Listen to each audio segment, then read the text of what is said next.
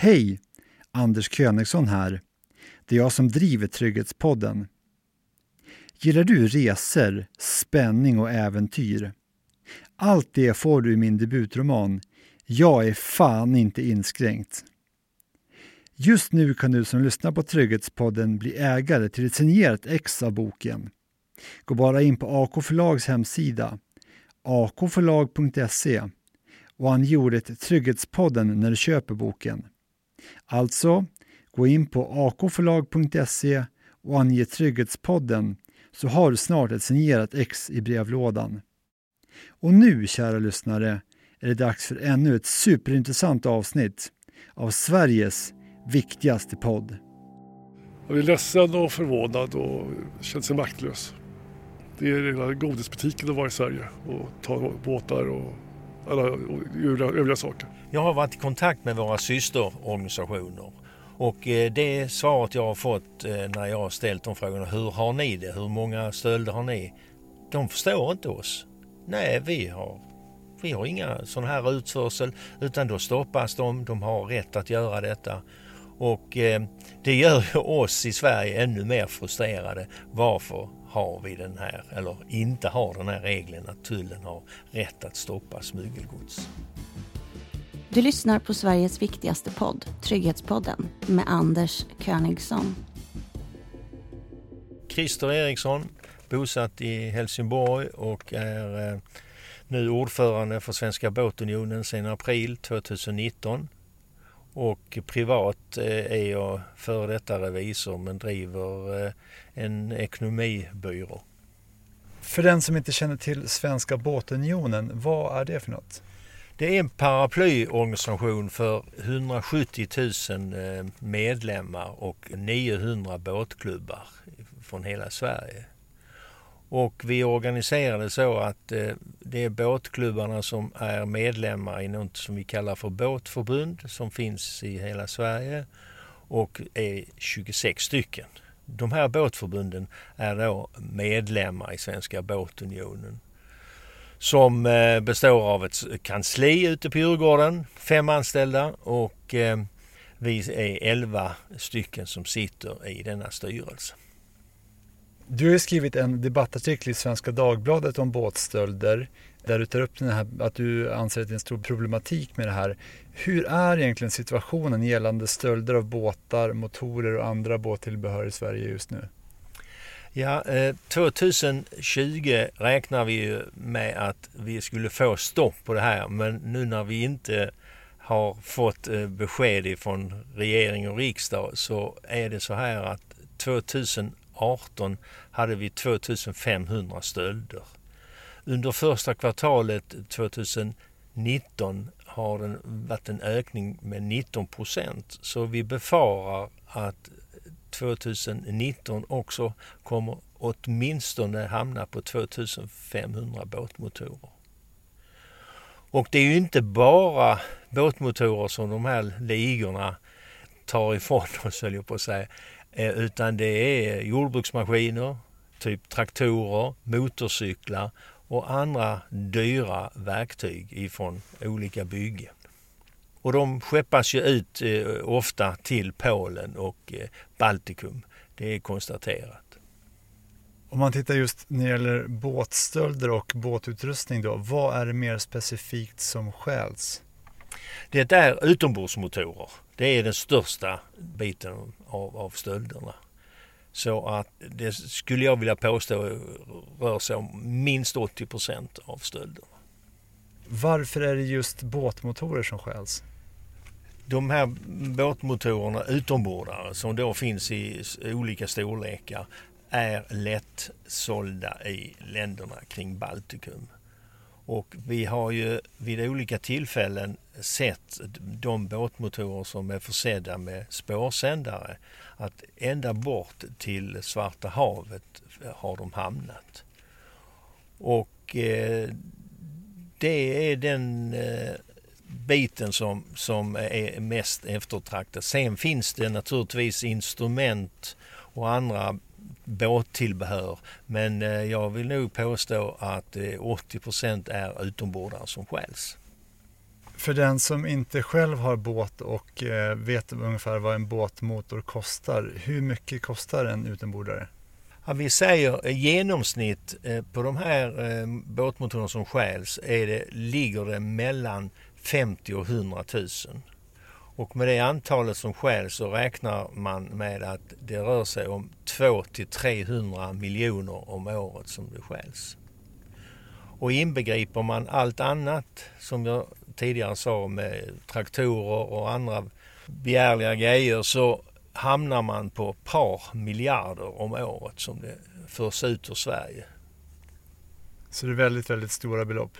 Ja, verkligen. Om man jämför nu då med till exempel för tio år sedan när det gäller stölder av eh, båtmotorer och båtar och tillbehör och så. Hur ser utvecklingen ut? Ja, från 2012 så hade vi ungefär 2000 båtmotorer som stals. Sen hade vi en trend i fem år framåt där det gick ner till under 2000 till 1800. Men från och med 2016 så har det ökat igen för att 2017 hade vi nästan 2800 eh, motorer som stals. Och statistiken för 2018 hamnade på 2500. Och om vi tittar på första delen av, av 2019 så jämfört med 2018 så eh, har det fortsatt att öka. Nu har vi en period i slutet på Eh, hösten när eh, båtarna tas upp på land och eh, de färdigställs och då räknar man med nu under ett par månader att det kommer att stjälas omkring tusen motorer. Så det var alltså en nedåtgående trend under några år och sen så har den stigit igen. Vet man vad den här nedåtgående trenden först beror på? Ja, vi, man vet inte säkert, men vi, vi i Svenska båtunionen tror att det beror på att vi har propagerat för olika saker för att eh, försöka stoppa de här stölderna.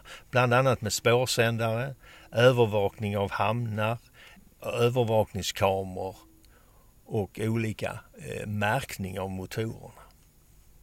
Så jag, jag tror att det har påverkat utvecklingen. Så det gav resultat tror ni i Svenska båtunionen. Men sen var det alltså ändå för några år sedan en tydlig ökning då som sedan har pågått. Vad beror det på tror ni? Vi, vi, vi har den uppfattningen att de här ligorna nu som har blivit fler enligt polisen har eh, fått reda på att i Sverige, det enda landet i Norden som har den här eller rättare sagt inte har den här regeln att tullen får stoppa dem när de kommer till de här hamnarna.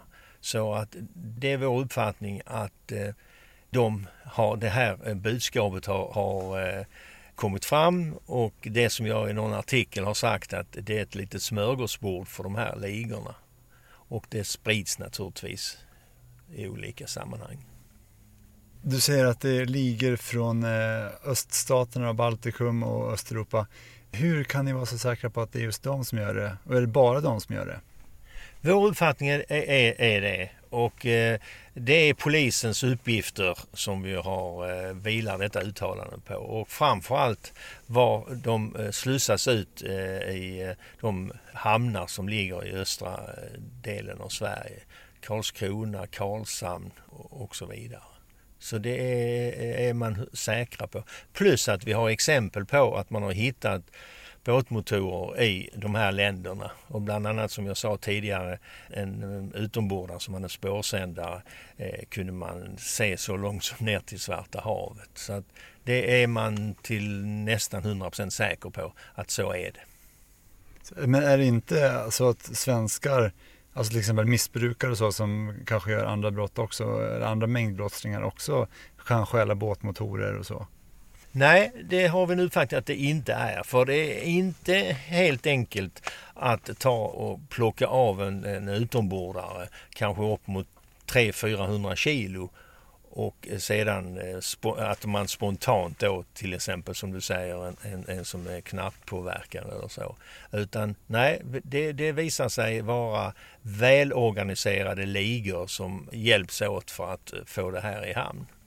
För en båtmotor som du säger, den är väldigt tung, kan väga flera hundra kilo. Rent konkret och praktiskt, hur går de tillväga i så fall då, när de gör de här stölderna? Det, det som förvånar oss är att man skulle kunna tro att de är våldsamma och rycker av motorer och fördärvar en hel del. Men det visar sig att de har bra verktyg, vet precis hur man ska göra för att få av dem, trots med kättingar och lås också. Så de har rätt verktyg med sig. Det är så välorganiserat så man är förvånad. Du nämnde ju lite grann det här, de här preventiva åtgärderna för att förhindra stölden ute på båtklubbarna. Är det någonting annat som görs eller vad kan båtklubbarna göra? Går det att liksom vinna mot de här utländska ligorna som begår de här stölderna? Ja, vår uppfattning är att vi, vi inte klarar av det, men klart vi kan förbättra. Det senaste jag har hört är att eh, i Stockholm så är det eh, no några firmor som har startat en verksamhet att erbjuda båtägarna att de kommer och hämtar deras eh, utombordare och förvarar dem i hallar med, med lås och bom. Och eh, det låter jättebra men vad kostar inte det eh, att de ska göra det här och hur omständigt är det inte att plocka av de här motorerna varje år? Så det är en, en, en, en ny eh, drive som har tydligen kommit igång. Men annars är det ju det klassiska att man får se till att man har spårsändare, man har väl eh, bevakade eh, bryggor, båtklubbar och man får gärna också eh, gå nattvakt och hålla koll. Det är det som vi håller på med. Men de här sista åren har, vi, har det visat sig att det hjälper inte. De, de är så välorienterade, både plats och tid och så vidare. För att det borde med allt det som olika båtklubbar har, har gjort eh, har minskat eh, de här sista året. Men det, vi ser inte det nu. Förhoppningsvis kommande år. Men det som måste göras det är att vi får en lagstiftning där tullen får lov att stoppa de lastbilar som är fullmatade med utombordare.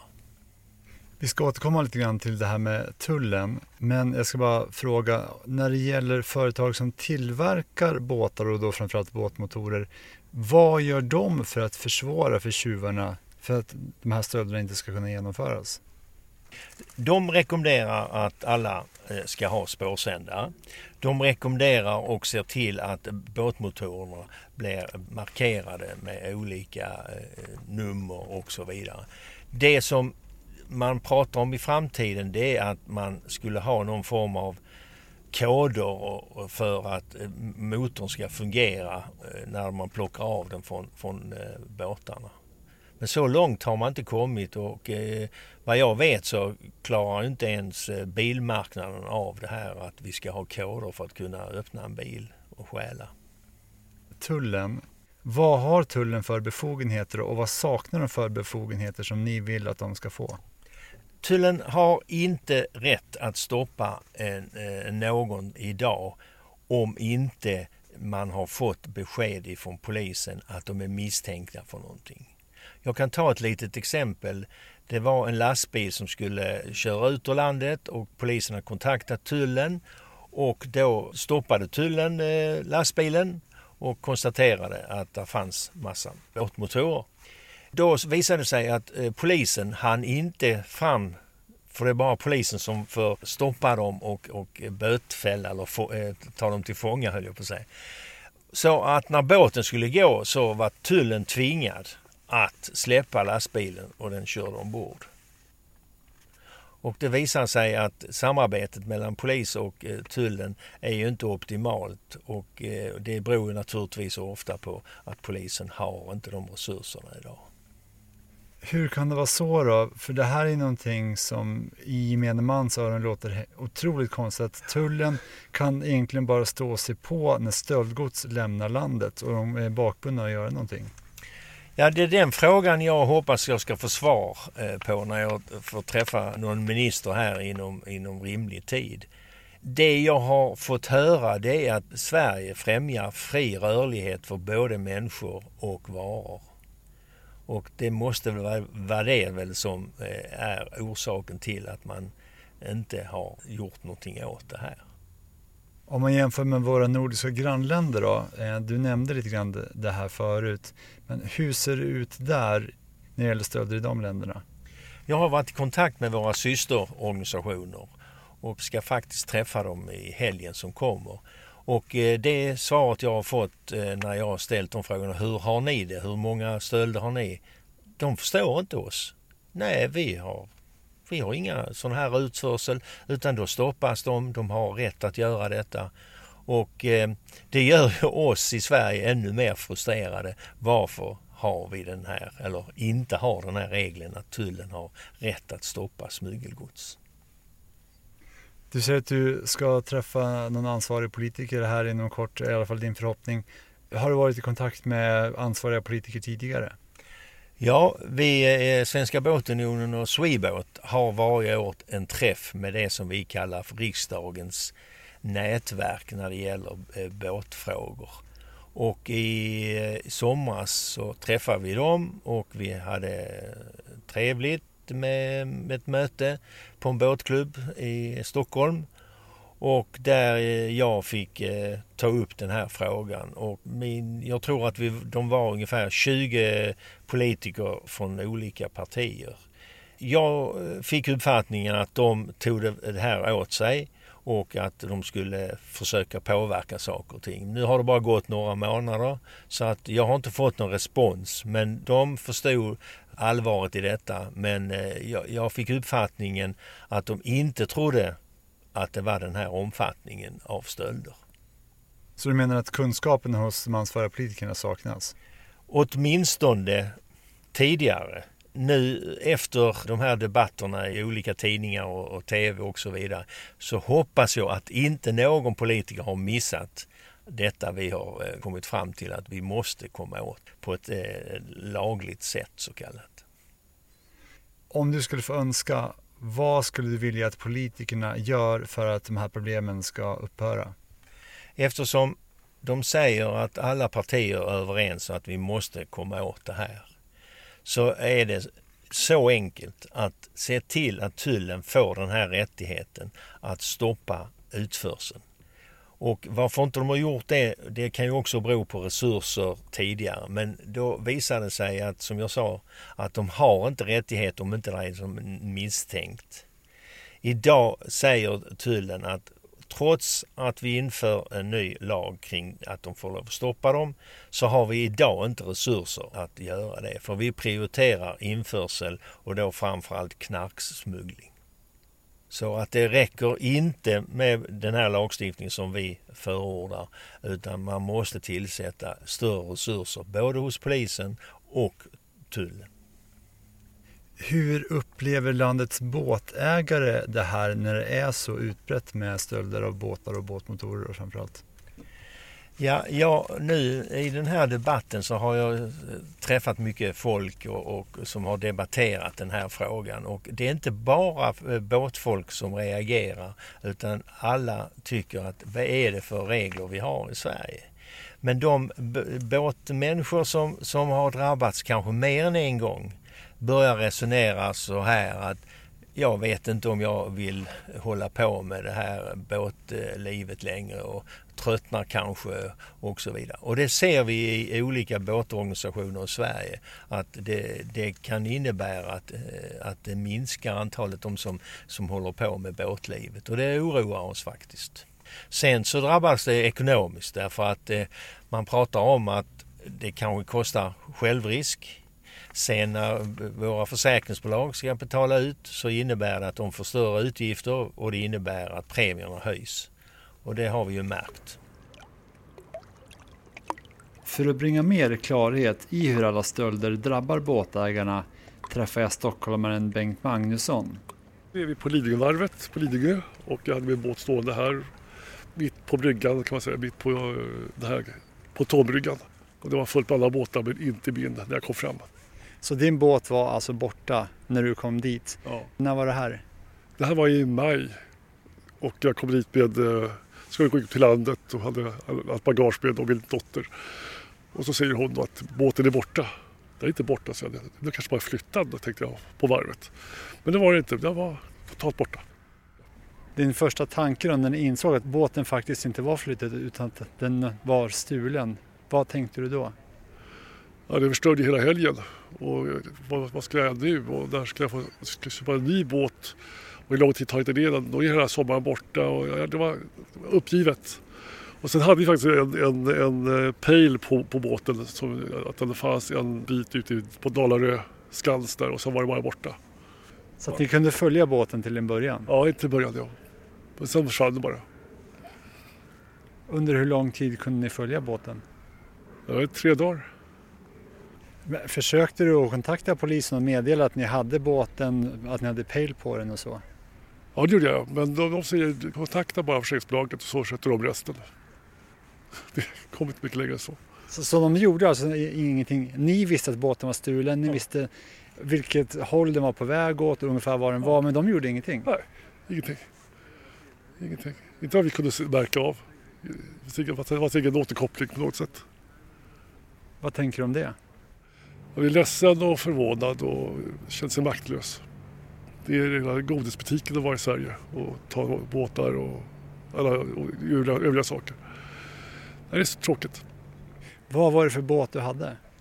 Ja, nu var det en uh, Anutech, en plåtbåt med två stycken stora motorer. Yamaha, och de var ju väldigt attraktiva. Fanns det kameror på bryggan som kan ha filmat de här båttjuvarna? Nej, tyvärr. Och vilka, vilka kameror får man ha om- det är ett inhägnat område. Men vilka båtbryggor har inhägnade områden? Då finns det andra problem att få inhägna och vidare. Så att det är synd. Varvet i sig har ju kameror inne i sina lokaler men inte utanför. Sen då, du upptäckte att båten var stulen, du kontaktade polisen och du kontaktade försäkringsbolaget. Vad hände med eh, de här turerna med försäkringsbolaget och så? Hur gick det? Ja, de ville bara ha nycklarna till båten och veta vad när det hände och var det hände och vilka nummer som var på båt och motorer. Och sen så fick jag förhandling då tillbaka. Man går efter hur den liknande båt såldes tidigare. Hur mycket var din båt värd ungefär? Den var egentligen värd över en miljon. Så jag fick säga halva priset fick jag vad båten var, köpte den för för sju år sedan. Blev du förvånad att inte försäkringsbolaget ersatte med mer? Ja, det vart jag. För man måste själv varje år, fick jag höra, se hur mycket en båt är värd så man kan få en lägre premie varje år. Så jag har betalat för hög premie varje år. Har det justerats på något vis ifrån försäkringsbolaget när det gäller försäkringspremierna? Försäk- Försäkringspremierna de ökar ju varje år och, eh, och det måste de ju göra för någonstans måste pengarna komma in. Men kost, kostnader får vi ta också efteråt. Vi som ägare, båtägare. Så ni blir dubbelt drabbade? Ja, det blir det. Och det här är inte första gången du drabbas av en stöld heller. Nej, jag hade båten på Bosön. Då tog de eh, underredet på alltså växelhusbiten då på, på, på bägge motorerna. Jag skulle hämta båten och ta, ta upp den. Han de där före mig. Så det är andra gången. Hur länge sedan var det? Det är sex år sedan. Så nu har du alltså drabbats av dubbla stölder. Vad tänker du om det här? Tappar du suget att ha båt eller känner du att äh, men jag ska fortsätta? Nej, jag har tappat sugen. Det blir nog taxibåt här i framtiden. Eller hyra båt någon gång. Så du kommer inte att skaffa någon ny båt? Ja, kanske inte en mindre båt, så en tuff, tuff båt kanske. Ja, ja, mindre. Som inte har samma stöldbegärligt. Hur känns det då att du eventuellt behöver lämna båtlivet för att du har tappat lusten? Det är jättetråkigt. Det är en tråkig utveckling.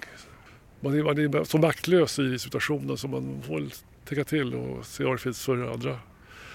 Eller hitta nya andra typer av stöld eh, trackers och videokameror i båtarna och man får fylla ut båten med en massa säkerhetssystem. Det är väl det. Vad skulle behövas för att du skulle känna att jag kan skaffa en båt igen och gå tillbaks till båtlivet ifrån politikerhåll, från polisens håll och så vidare? Att polisen och tullen har bättre befogenheter och eh, ta gods och, och härleda gods, godsen eh, till ägarna. Du har hört ett avsnitt av Trygghetspodden. Fler avsnitt finns på trygghetspodden.se.